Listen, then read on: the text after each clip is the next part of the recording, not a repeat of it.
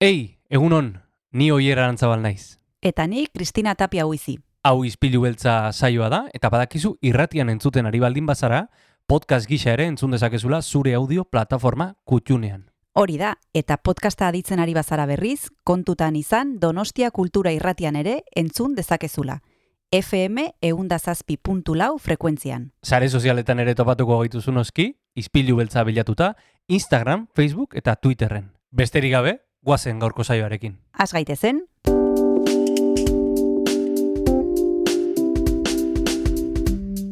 Ispilu beltza. Donostiako kulturaren berri, Oyer Arantzabal eta Kristina Tapia buizirekin. Egun honen zure irailak amabos ditu osteguna da, eta naiz eta zinemaldia oraindik ez hasi, gaurko saioan, bete-betean sartuko gara jaialdian. Eguno, Kristina? egun oier, zer modu zabiltza, zer modu zautxori? Bueno, eh, antzeko parezido esango du. eh, ez da asko bereizten. Ez, nik uste dut ja, igual eh, ahots hori mantenduko beharko zenukela, estil hortan, ez? Eh, ematen horra- dit, ematen dit estilo pixka bat. Ematen dit. Bai, zure, zure zigilua izan daiteke horrela Bai. ahots erdi puskatu bat. Ma, edo marka da, marka da nire zigilua eh, gaixoaren ahotsa izatea. Hori Bueno, bueno. Pasako da, pasako da. pasako da, pasako da. Esan dugu gaur zinemaldia zitzei behar dugula eta horretarako bigon bidatu luxuzko dauzkagu. Bai, zinemaldiari buruz hitz egingo dugu batetik Josemi Beltranekin, norro be, bera baino, badekizue Donostia Kulturako zine unitatearen zuzendaria dela, eta repaso txiki bat egingo digu, e, ba, jakiteko zer e, pelikula egongo diren, eta, bueno, gomendatuko dizkigu gauza batzuk, eta gainera, El Basko pelikula aurkeztuko da zinemira saiaren baitan, eta guk zuzendaria ekarri dugu, Javi Elortegi, kontatuko digu nola bizi den e, hemengo euskaldun bat e, euskal komunitatean, baina Argentinan. Hmm. E, horri buruz omen da pelikula, bera kontatuko digu beto. Primeran, gaurko eh, programa beraz, zinema hitz egiteko aprobestuko dugu, eta, bueno, esango dugu, aurtengo zinemaldia aurkezteko modu bat ere izango dela hemen e, izpilu beltzen. Gogoratuko dugu egunero egunero egongo garela zinemaldia jarraitzen, egunero gonbidatu interesgarri bat ekarriko dugula, Euskal Zinemako e, bueno, ordezkari bat, eta tira, ba, gonbidatzen dizugula, izpilu beltza jarraitzeko. Hori da, guazen gaurko izpi beltzarekin. Guazen.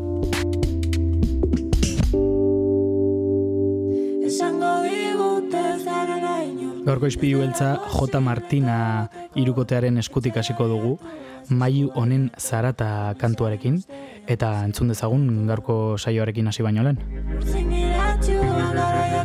Zurik ez dago baina egunen onai Egunak jaten dira urrengo garen zai Hau eman digute baina ez du nahi Entzuten alduzu Lertzea aldata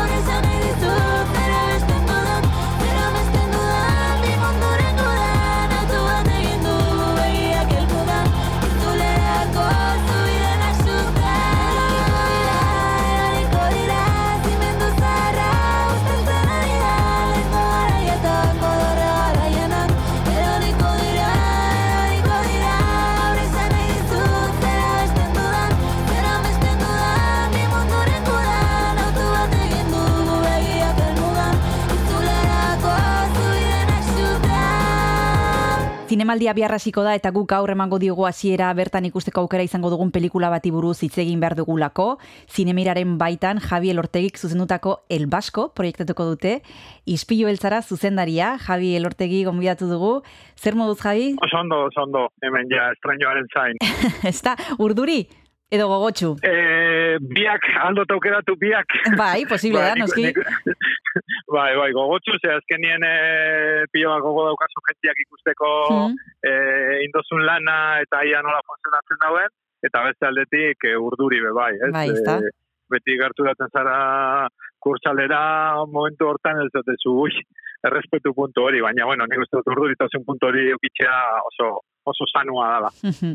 bueno, e, oraindikan ez dugu pelikula ikusi eta jakinaik egun nuke gehiegi kontatu gabe ere zer e, kontatu behar gaitu zuen El Baskon. Bai, bueno, El Basko da historia bat, da komedia dramatiko bat, Aha. e, olako, bermeoko e, pertsonai bat, ba, ez da bizi bere momenturiko e, egokienean, onenean, e, dala Jose Usabiaga izen duen e, papera, eta, bueno, ba, lanarekin arazoak dauka, e, bere neskarekin ere arazoak, eta, bueno, erabakitzen du, ba, e, dena bertan bera ustea, eta beste herri alde batera jutia bizitzen.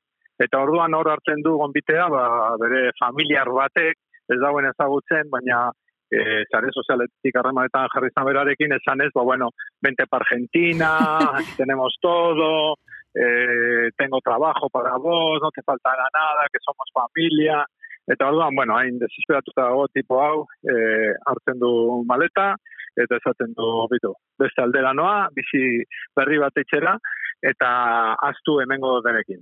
Orduan bertara iristen da, iristen da herri oso txiki txiki txiki batera, ez Mhm. dauen inor, esaten du zer da hau, nola etorri naiz, ez dakitxe e, buelta eman edo ez, eta bueno, orduan hazen da bertan ezagutzen, ba, bere familia harremanetan jarri zala, konturatzen da, ba, tipo aurpia handi bat dela, e, jeta bat, eta esan e, promes guztiak ditunak, ba, ez diala egiak, ez? Ez dauka ez lanik bertan, e, bere familia ere, bueno, ez, da, ez dago egoera honean, eta orduan tipoak, bueno, da, erabakitzen du handik e, alde behar dula.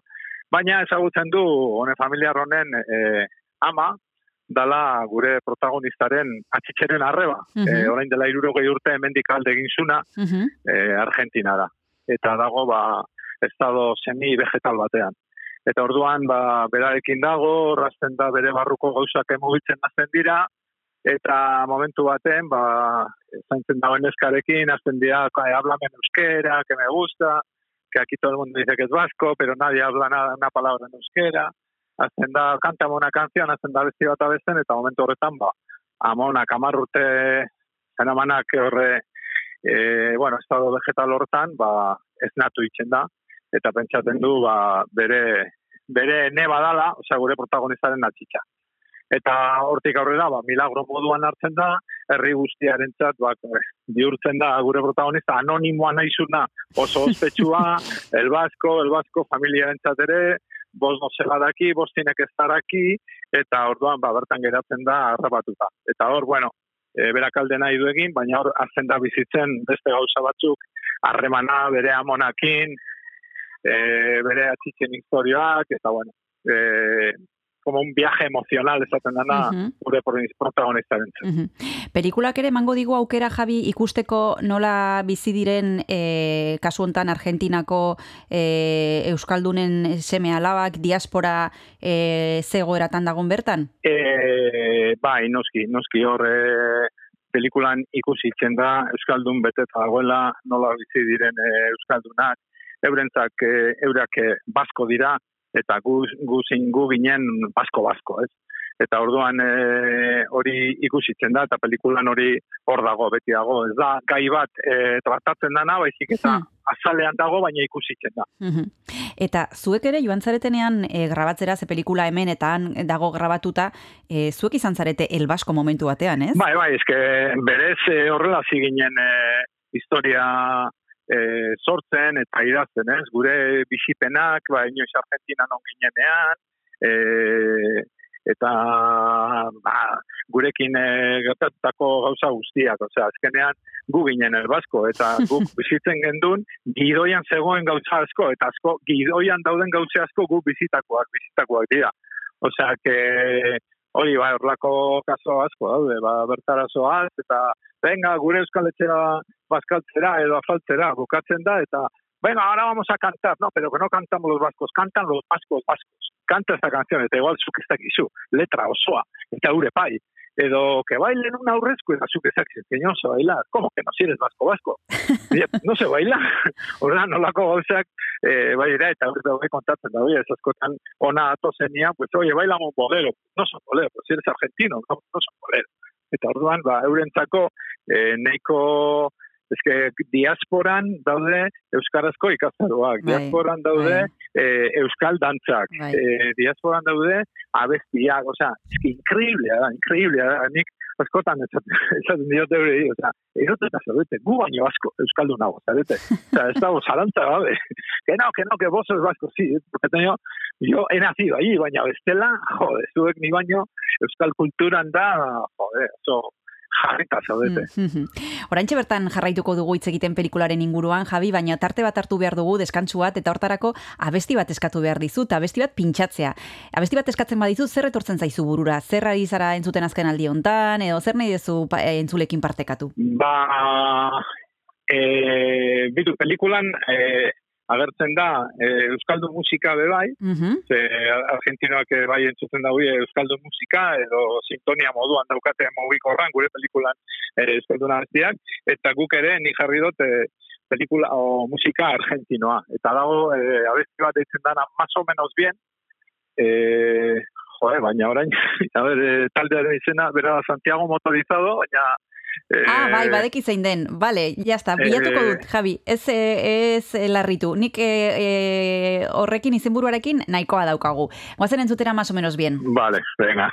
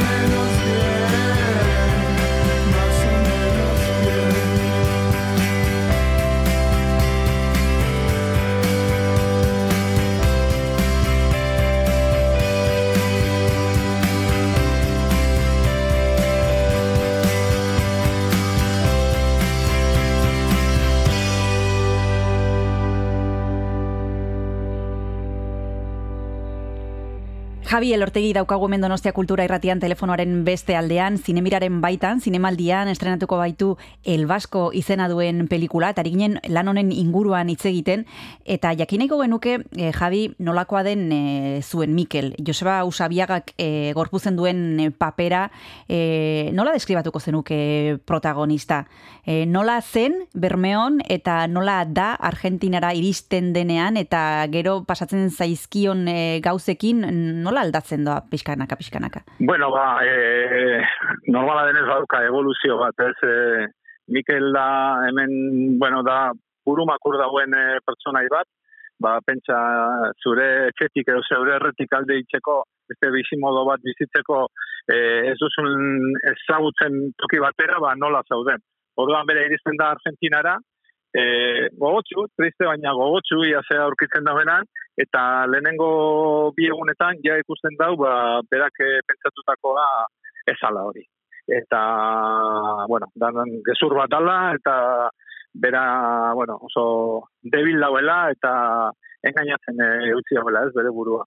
Eta orduan, ba, bueno, erabakitzen dau, bueltatzea. Baina ezagutzen du, ba, bere e, arreba, horrazten da bere historia kontatzen, relazio bat bizitzen berarekin, aitonaren e, bere atxitzeren e, paperean sartzen, zaindari bat dauka amumak, eta horrekin azten da, ba, bueno, bizitzen neska oso positiba da, e, gustora dauela dauen tokian, gure pertsonaia ez hau gustora inon, askotan esaten da, e, arazoak arazoak daukazu, baina naiz eta beste mundu puntara jun, da. arazoak zurekin doaz. Hori da. Eta orduan, e, pertsona honek erakusten dio, ba, beste ikuspuntu batetik e, bizitzera, gustora egon behar zela zure buruarekin, eta orduan, badago hor pertsonaian, gure pertsonaian evoluzio bat, zaten dio, hau, hau egin behar dizu amumari, zor diozu hau, eta azkenean, bueno, e, bera gora etortzen da, eta ikasten du arazoak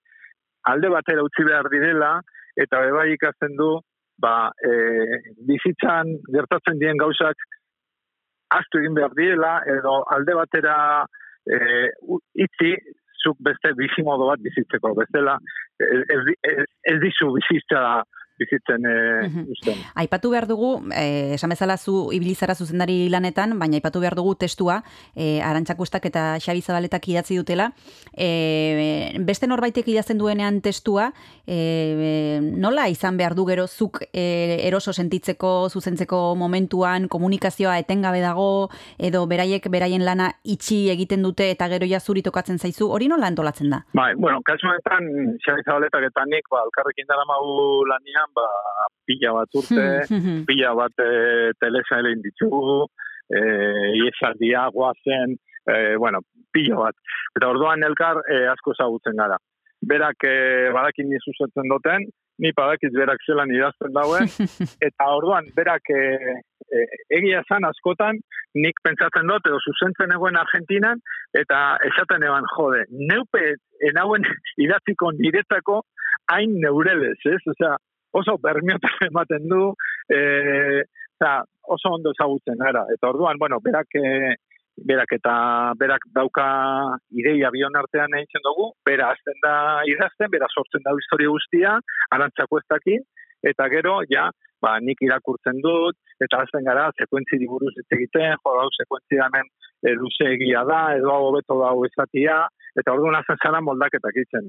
Gero ja, aktoreekin ere azten zara lanian, hor moldaketa gehiago azten dira, ze gauza bat irakurtzea eta beste bat eh, aktore baten Bai, ahoan entzutea, bai. eta orduan hazen zara ja moldaketa gehiago moldaketa gehiago egiten. Gero, erdera zegoen testua argent, argentinizatu egin behar da, eta egia esan ez duka zer ikusirik, Claro. eta orduan, bueno, e, idatzitako gauzetik atera ganara, ba, asko aldat, aldatzen da. Zaiatu bertzera, ba, zentzua ez aldatzen, eta tonua, eta hori den, eta, bueno, hor nik izabikin, ba, honeko sinkronia handia daukat. Mhm.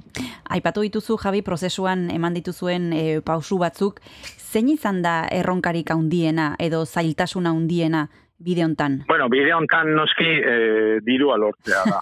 e, dirua lortzea. Hau pelikula idatzi zan, kajoi batean egon zan, e, urte pare bat, gero festivalea, zinemaldiak antolatu zuen encuentros con productores argentinos, hor, ba, esan gendun, jo, ba, guazen gure gidoiakin, egon ginen e, produktore batzukin, batekin egon ginen, ba, soñador, geurelakoa, irakurri zuen, bueno, lo leo y os llamo, handik ordu bitara ditzu zuen, oie, que lo he leído y que lo quiero producir, eta, jo, ba, oso ondo, hori da gauza bat, eta gero ja, ba, bueno, dirua lortu behar, gero dirua lortzen duzunean, e, pandemia dator, e, bertan bera geratzen da dena, atzeratzen da, gero Argentina da herri bat, ba, bueno, diruak, ba, bere baloreak asko aldatzen du, egun batetik bestera, eta lehen e, genuen amar, ba, orain horrek amar, hanpoz balio du, osea, que, e, hori esan da guretzako lanik e, e, gogorrena edo zaiena gatzena ateratzeko.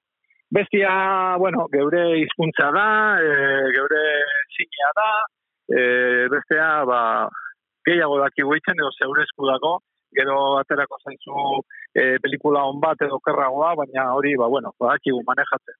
Baina diruarena eta olako herrialde baten, ba, ez da erreza izan. Bueno, bidea egin du eta orain zinemaldian ikusteko aukera izango dugu eta horren inguruan galdetu behar dizut, e, baina tarte bat hartu behar dugu, lehen entzun dugu maso menos bien abestia, Javi, eta orain zer entzun dezakegu? Ba, entzungo dugu, jo, ba, Nei ezunek jartzea bat? venga, Vale. venga. Vale, ba. Venga, hola, ozean arrebatu nauzuta. Oso ondo, tarte bat hartuko dugu eta oraintxe bertan itzuliko gara Javi elorte beirikin.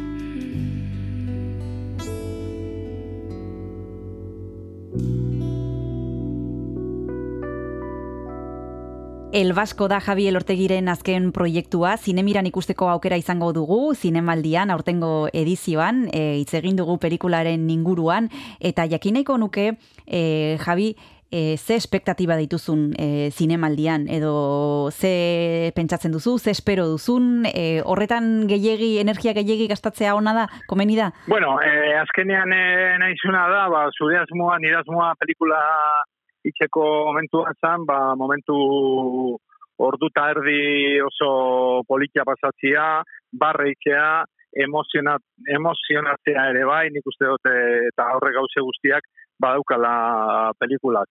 E, bai nahi dut ikusi, ba, e, nola erreakzionatzen, erreakzionatzen du gentiak, eta horretarako, ba, lehenengo pase mundiala, ba, esango da, hau, ez, e, amasei, amaseikoa, eta orduan, ba, hor, badukal gogua e, ikusteko ja nola bizi izan dan, ba, guk egindako lana.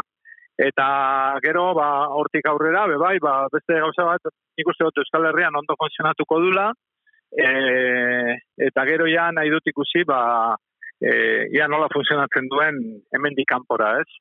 Etako azkenean, bai da gure histori bat, baina ere bai, bai da edozein herrialdeko historio bat, ez? Osea, en vez de Euskalduna, e, gallegoa izango balitz berdina, e, italianoa izango balitz berdina, Argentina doana, edo estatu batuetara, orduan kontatzen duen historia uste dut oso universala dala, eta hori bai okagogoa ikusteko ja beste lurraldeetan e, nola, nola hartzen dan eta nola entenditzen dan. Naiz eta hemen gehiago hartuko da, ze hemengo txisteak eta daude, baina badauka puntu unibertsal hori pelikulak ere. Hori zuzendari gisa etorri behartzarelako donostiara, e, elbasko aurkezten duzulako, baina nik ezakit ikusle gisa aukera izango duzun zerbait ikusteko, gustatzen zaizun zinemaldira etortzea pelikulak ikustera, edo ja zaude sortuta e, zuzendari rolean eta hori egingo duzu soilik. Ez, ez, ez, ez, e, hori egingo dut e, lehenengo egunean, e, gaina suerte dauka lehenengo egunean e, Bai. aurkezten dutela, eta gero lasai geratzen naizela, eta gero ja ze guztian e, zehar egongo naiz, ba, egunero pelikula pare bat ikusteko asmoz. Osea, que nahi dut e, zinemaldea bizi. Osondo. Bueno, hemen ari gara hitz egiten Elbasko proiektuaren inguruan, e, amaseian e, ikusteko aukera izango dugu, eta hortik aurrera egingo du bere bidea zinemetan eta bar, baina jakineko genuke, Javi, e, hori ja bukatutzat e, emango genuke, naiz eta guri orain iristen zaigun pelikula hau, baina ez dakit beste proiekturen bat daukazun esku artean, edo beste ideiaren bat, kajoi batean. Bai, ba- bai, bai, badukate beste ideiaren bat, eta bueno, ari gara hor e, e, lantzen, eta be bai, ba, zinemaldia horretako da, ez, aparte pelikulak ikusi, bueno, ba, produktoreekin egon, e, elkar ezagutu, beste herrialde batzutako produktoreak, hemengo produktoreak, gure ideiari buruz hitz egin, eta e, igual notaki, ba, beste produzio bat aurrera ateratzeko e, tokia den be bai, ez, zinemaldia horretarako ere bada. Ba, ea zure ideia hori norbaiti gustatzen zaion guk disfrutatuko dugu Elbasko pelikularekin. Eskerrik asko Javier Ortegi izpilu beltzara hurbiltzeagatik, sorte hon eta bezarka daundi bat, urrengor arte. Vale, urrengo arte, agur, eskerrik asko. Agur! Agur.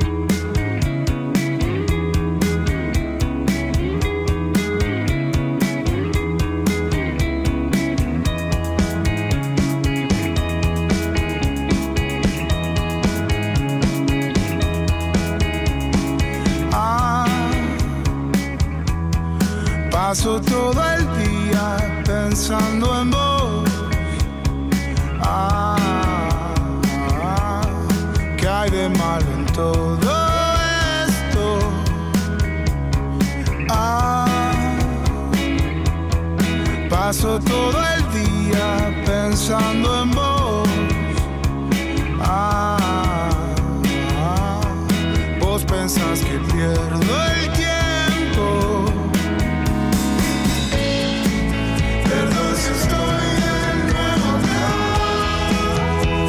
Que habías preguntado por mí.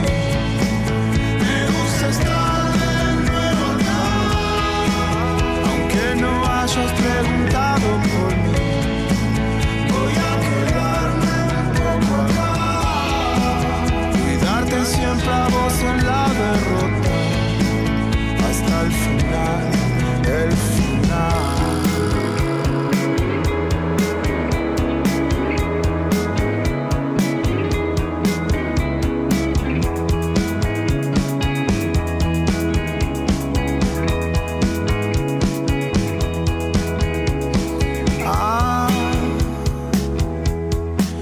todo lo que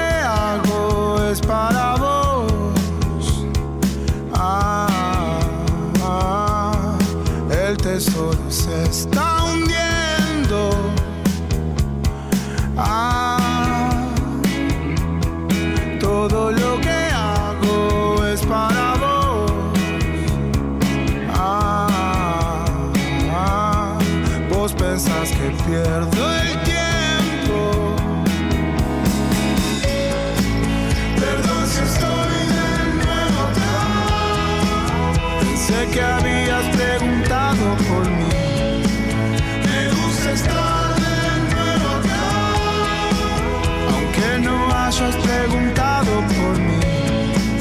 Voy a quedarme un poco acá. Cuidarte siempre a vos en la derrota. Hasta el final, el final.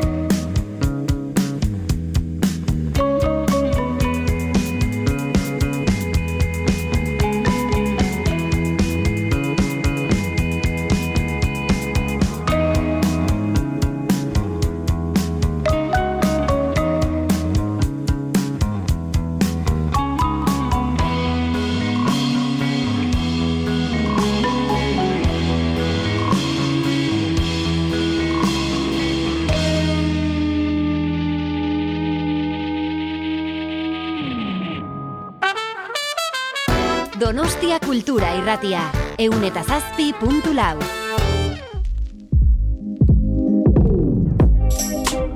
Ispilu beltza. Astelenetik ostiralera, Oyer Arantzabal eta Kristina Tapia buizik zuzendua. Donostia Kultura Irratian. Ikasturteko lehenengo ostegun honetan, e, bueno, ez- ezin dugu, ezin dugu lehen egiten genuena albo batera utzi eta eta gogoa daukagu berriz ere, ba, gure lagunekin batzeko, adibidez Josemi Beltranekin zinema hitz egiteko.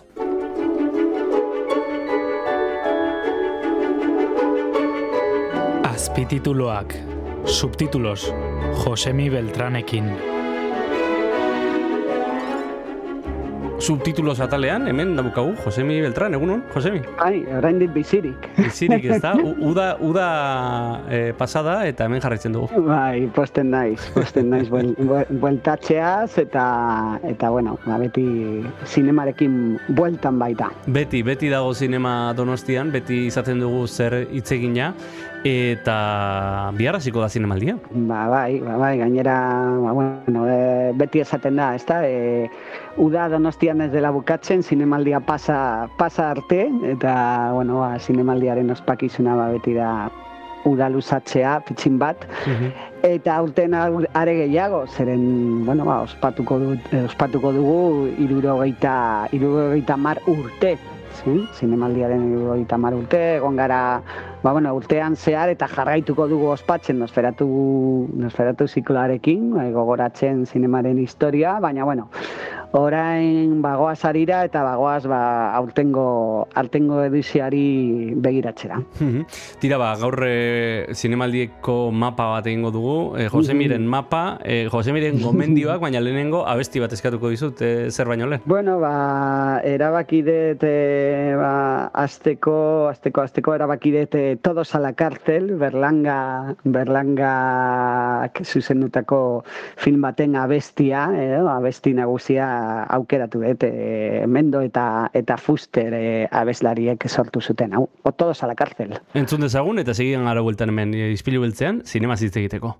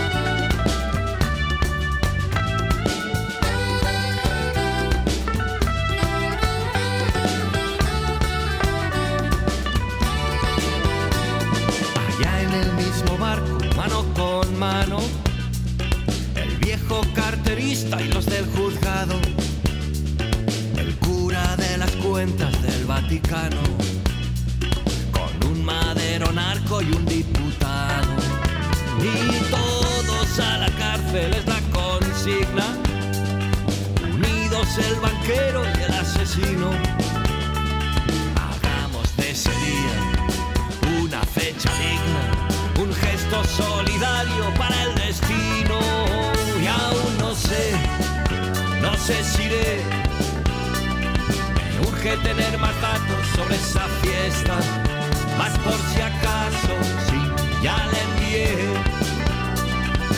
este atento mensaje como respuesta. No sé si iremos, no sé si iremos. No sé si iremos, pero si vamos, ahí estaremos. No sé si iremos, no sé si iremos. No sé si iremos, pero si vamos, ahí estaremos. No sé si iremos, no sé si iremos. No sé si iremos, pero si vamos, ahí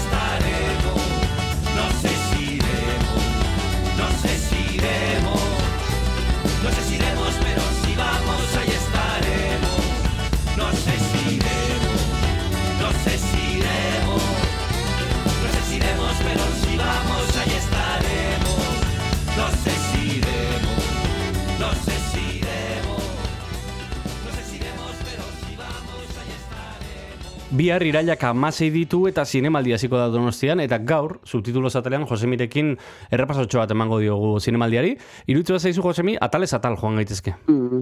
Bai, gainera aukeratu deta besti hori, eh, entonces a la cárcel, bueno, ez de, berez ez du sinema hitz egiten da, sinema besti bat, baina, bueno, badakizue zinemaldiaren aurtengo inaugurazioa modelo 77 filma izango dela, eh, Alberto Rodríguez zuzendutakoa eta eta berez ba, modelo espetxearen ba, bueno, iraultza edo matxina da bueno, ba, kontatzen du e, filmak. Berlangarena oso desberdina zen, tonua eta bar komediakoa zan eta hau ez da izango, baina bueno, e, keinu bat e, egin egin nahi nion e, film, film horri, bai.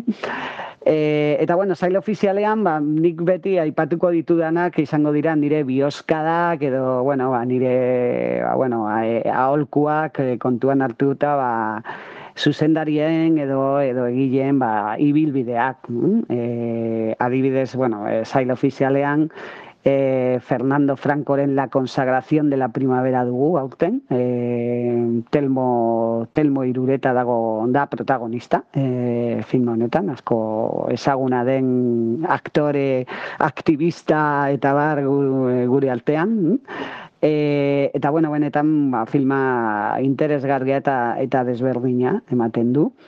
E, bestalde beste zuzendari ospetsu batzuk, Sebastián Lelio adibidez, e, una mujer fantastikoa edo desobedience e, zuzendu zituena, ba, aurten e, The Wonder ekarriko du e, zinemaldira, zail ofizialera, e, mirarien inguruan, ba, historio bat, emeretxigarren mendean, Irlandan, kokatuta.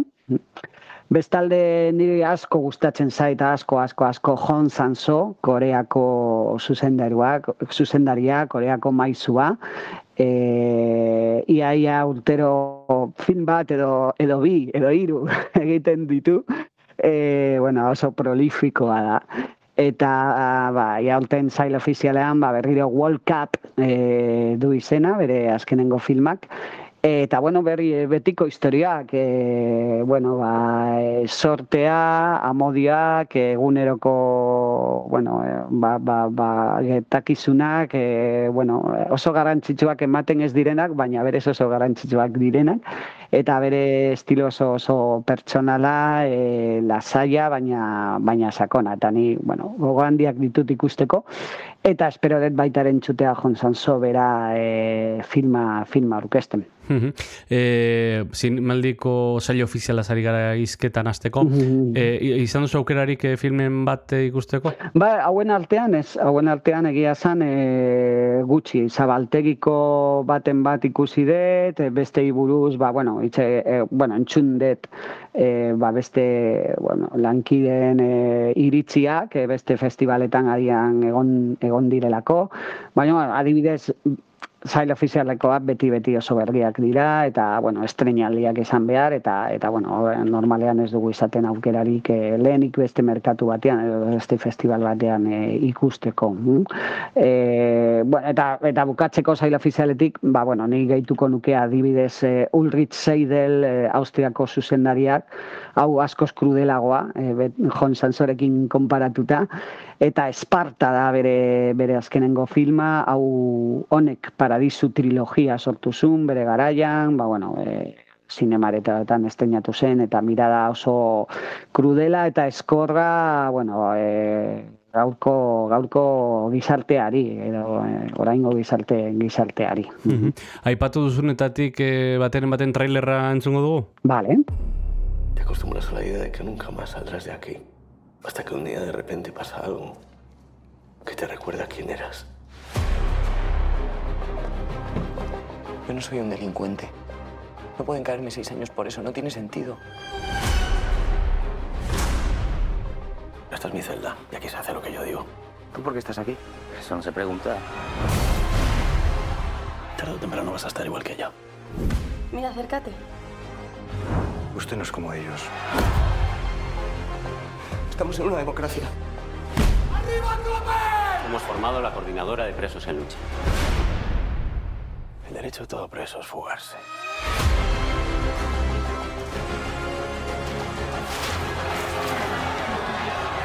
Quiero que me apuntes al sindicato ese. Quiero salir de aquí. ¿Qué quiere? Un motín. No le importamos a nadie. Tenemos derecho a la concesión de una amnistía general. Este país es para los hijos de los dueños. Si el país va a empezar de cero, nosotros también. Yo te creo. Nada va a cambiar. Vamos a fugarnos.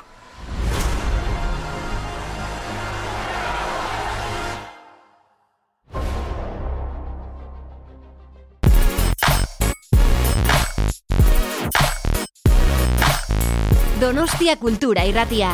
Iriko eta aldirietako kulturaren leioa.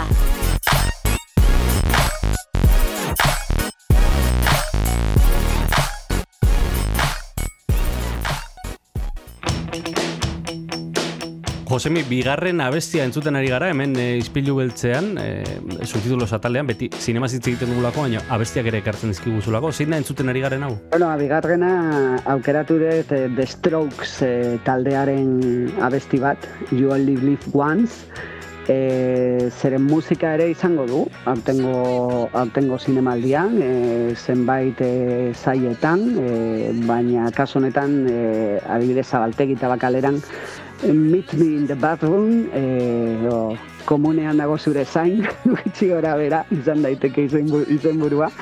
Da dokumental musikala, e, artxiboko irudiez osatuta, eta kontatzen du New Yorkeko musika taldeen historia mende honetako hasieran. E, bueno, ba, The Strokes eh, edo LCD Sound System adibidez agertzen dira, eta bueno, ematen du hau festa bat izan daitekela, eh? melomanoen txat, eta, eta roka eta popa maite, maite duten entzat. Hm?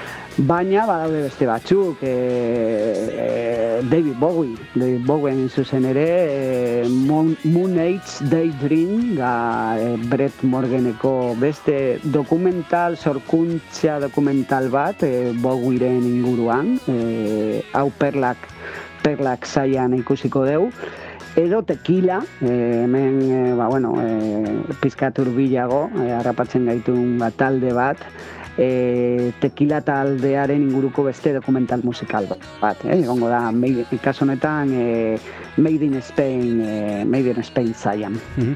The Strokes entzun dezagun ba, eta, bueno, amaitzen denean jarraituko dugu zinema gehiago ez egiten.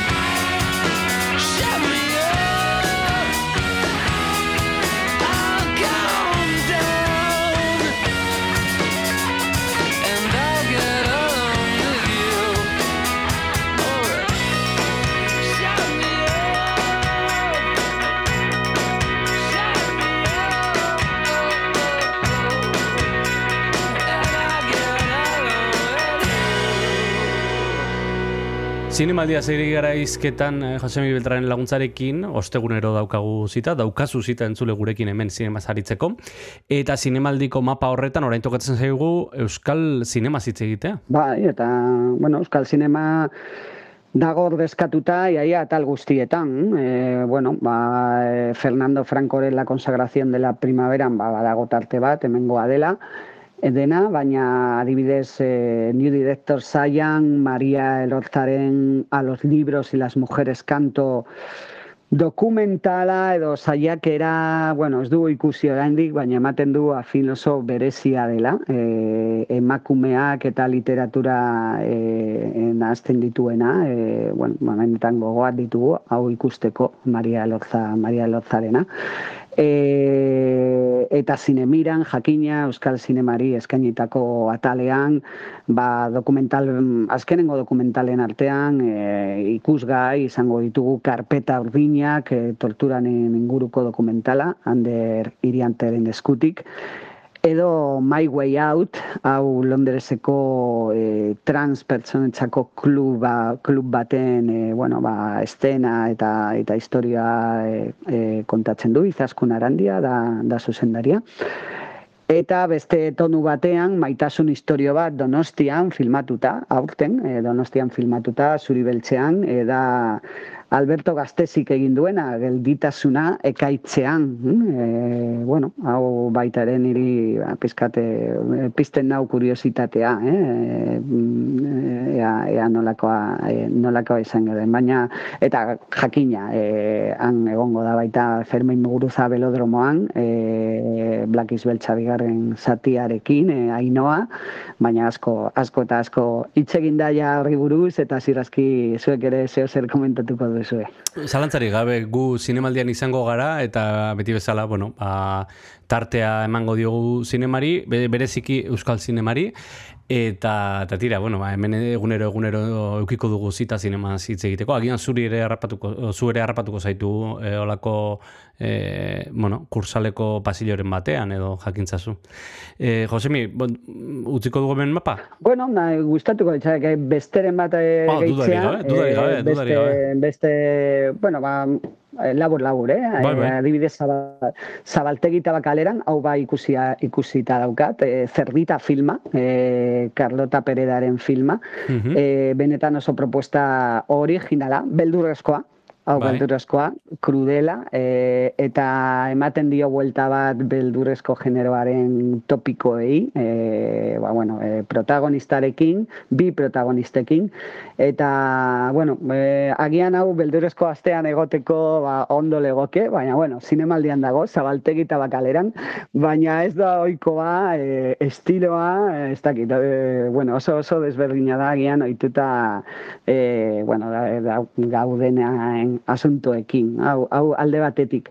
Eta bukatzeko e, adi, e, alde batetik e, Claude Sotet Frantziako zinegilari egindako atzera begira da, hori uste dut gozamena izango da, eta plazerra, e, Frantziako zinema klasikoen, ba, bueno, e, zaleen Eta bestaldetik klasikoen, klasikoen atalean baita, Nueve Cartas Aberta, Masilio Martin Patinoren filma, eta animazio bat, marrazki bizidunak, e, Escobar, agian, bueno, batzuk ez dute ezagutuko, baina Escobar izan zen zipizape e, pertsonaien sortzailea, komiki komiki pertsonaien sortzailea eta bera egin berak ere egin zituen ba, marrazki bizidunak animazioa e, Espainian eta erazuna bez filma berreskuratu da errestarazio bat egin da e, film honekin eta eta bueno ba, lehenengo aukera ikusteko izango da izango da gure zinemaldian. Mhm.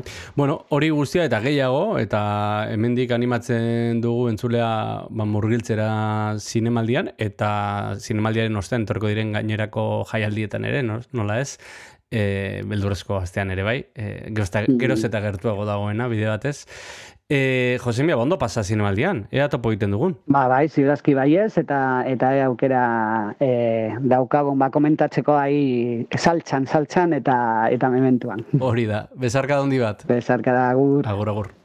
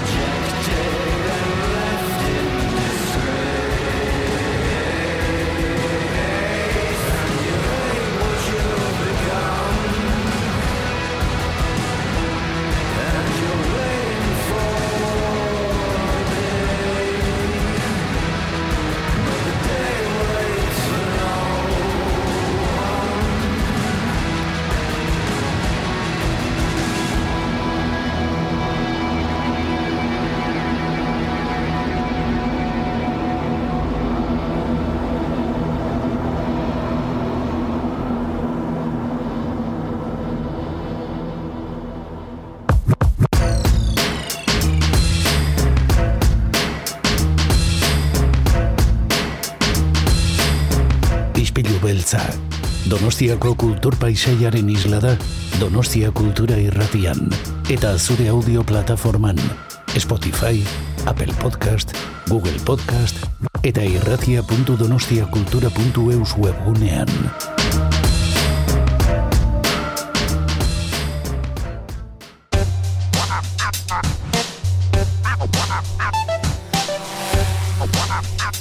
Donostia Kultura Irratia Zabaldu gurekin Donostialdeko kulturaren leioa.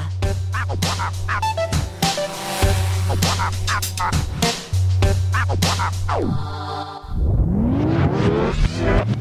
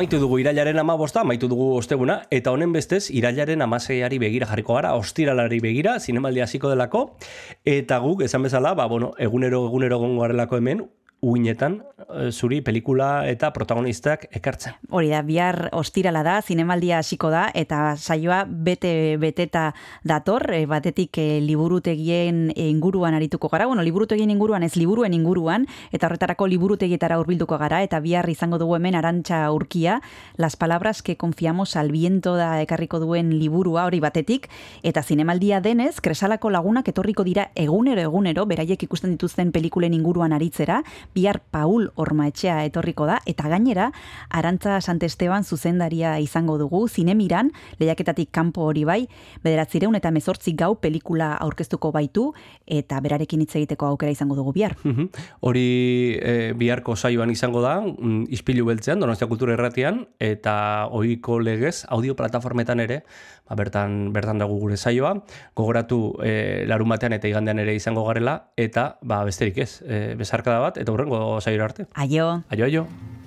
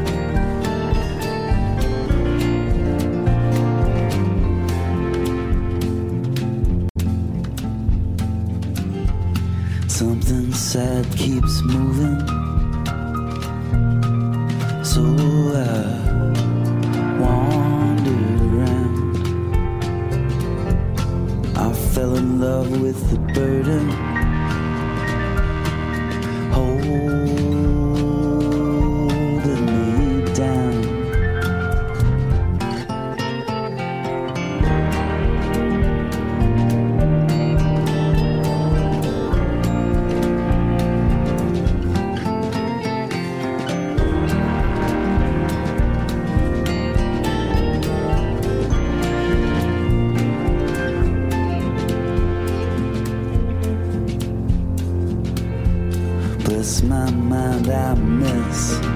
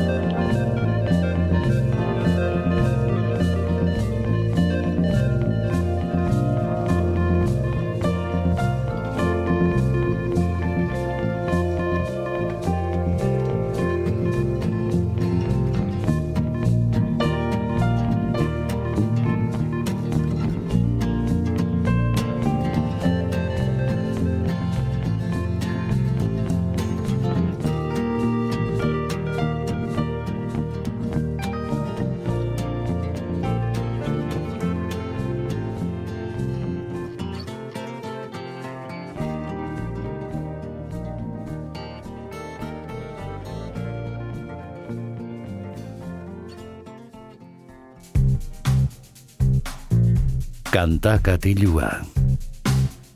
Jon Gartziaren eskutik. Kaixo entzule, ongi etorri gaurko kantakatiura, gaurko izpiu beltzaren amaiera musikal honetara.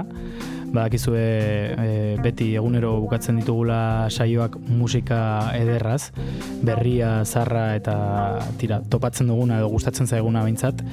Eta gaurkoan alaxe egingo dugu baita ere.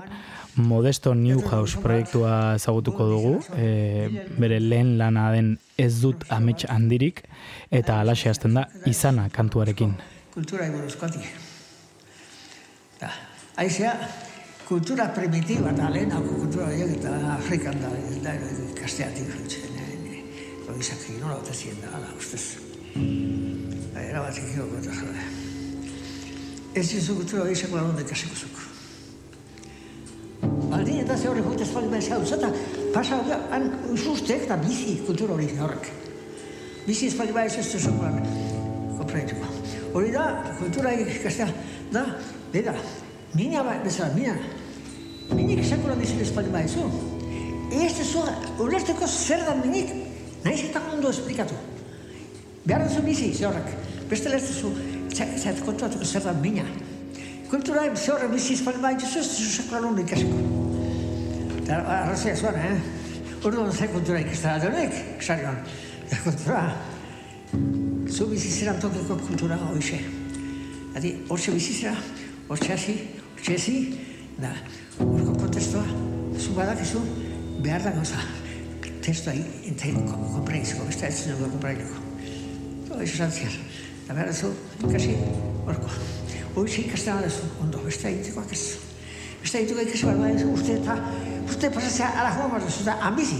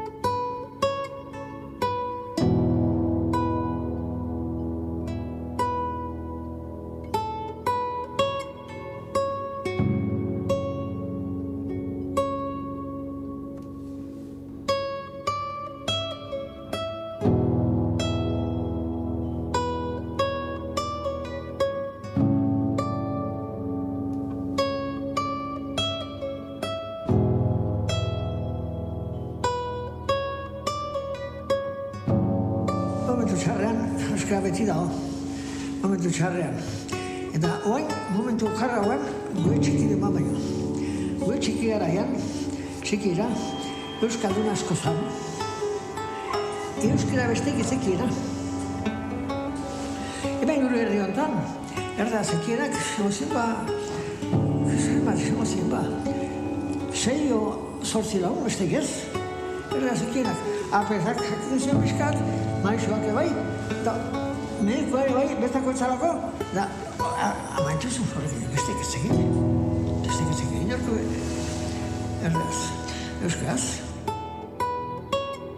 Sozialismo. Beida, ikasina modu da. Izaki, eh? Sortzen dute. Sozidadean ez bali balio, ez biziko.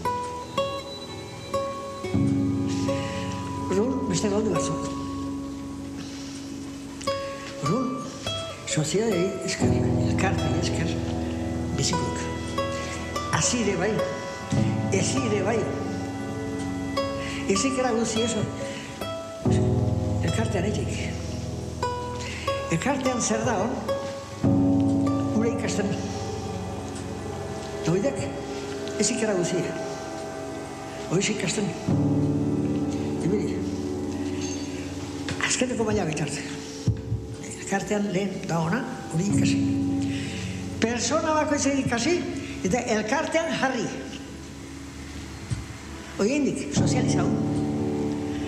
Sozializadeak, elkarteak, iraunea zitzen zauri, ez behar asmatu du lako.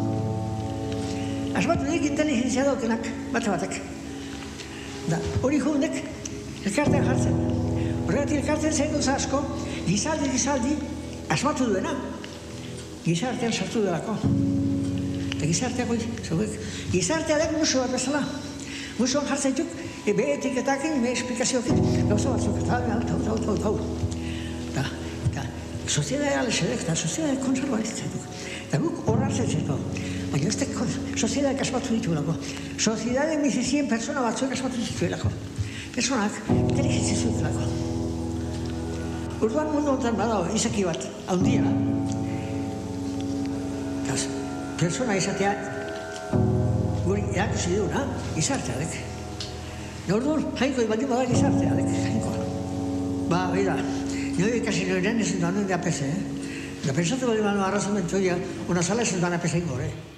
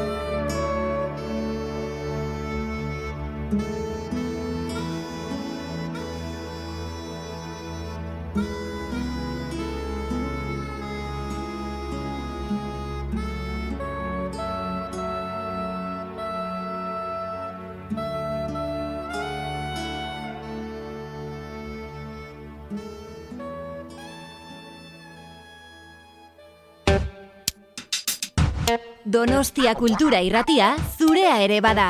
Zatoz eta parte hartu.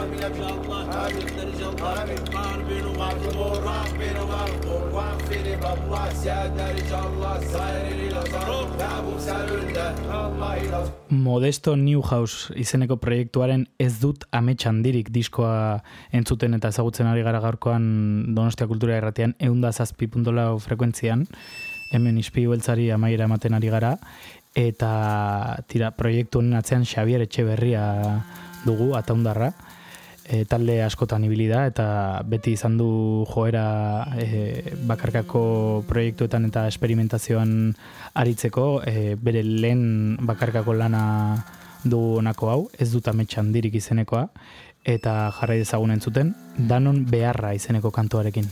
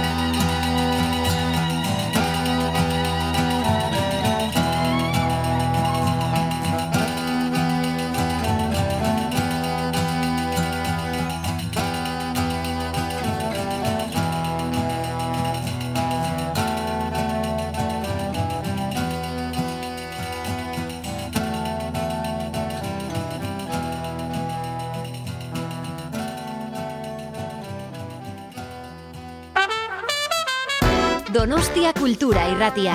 Eun eta zazpi puntu lau.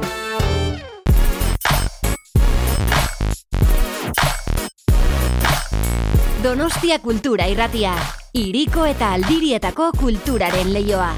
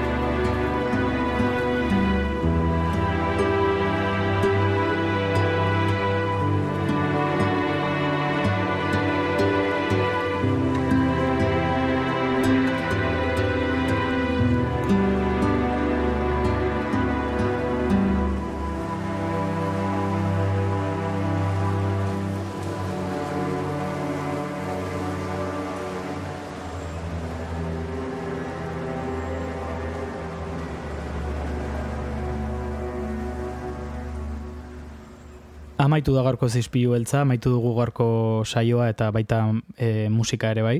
Modesto Newhouse e, proposamena entzun dugu, beretan bitxia eta ederra.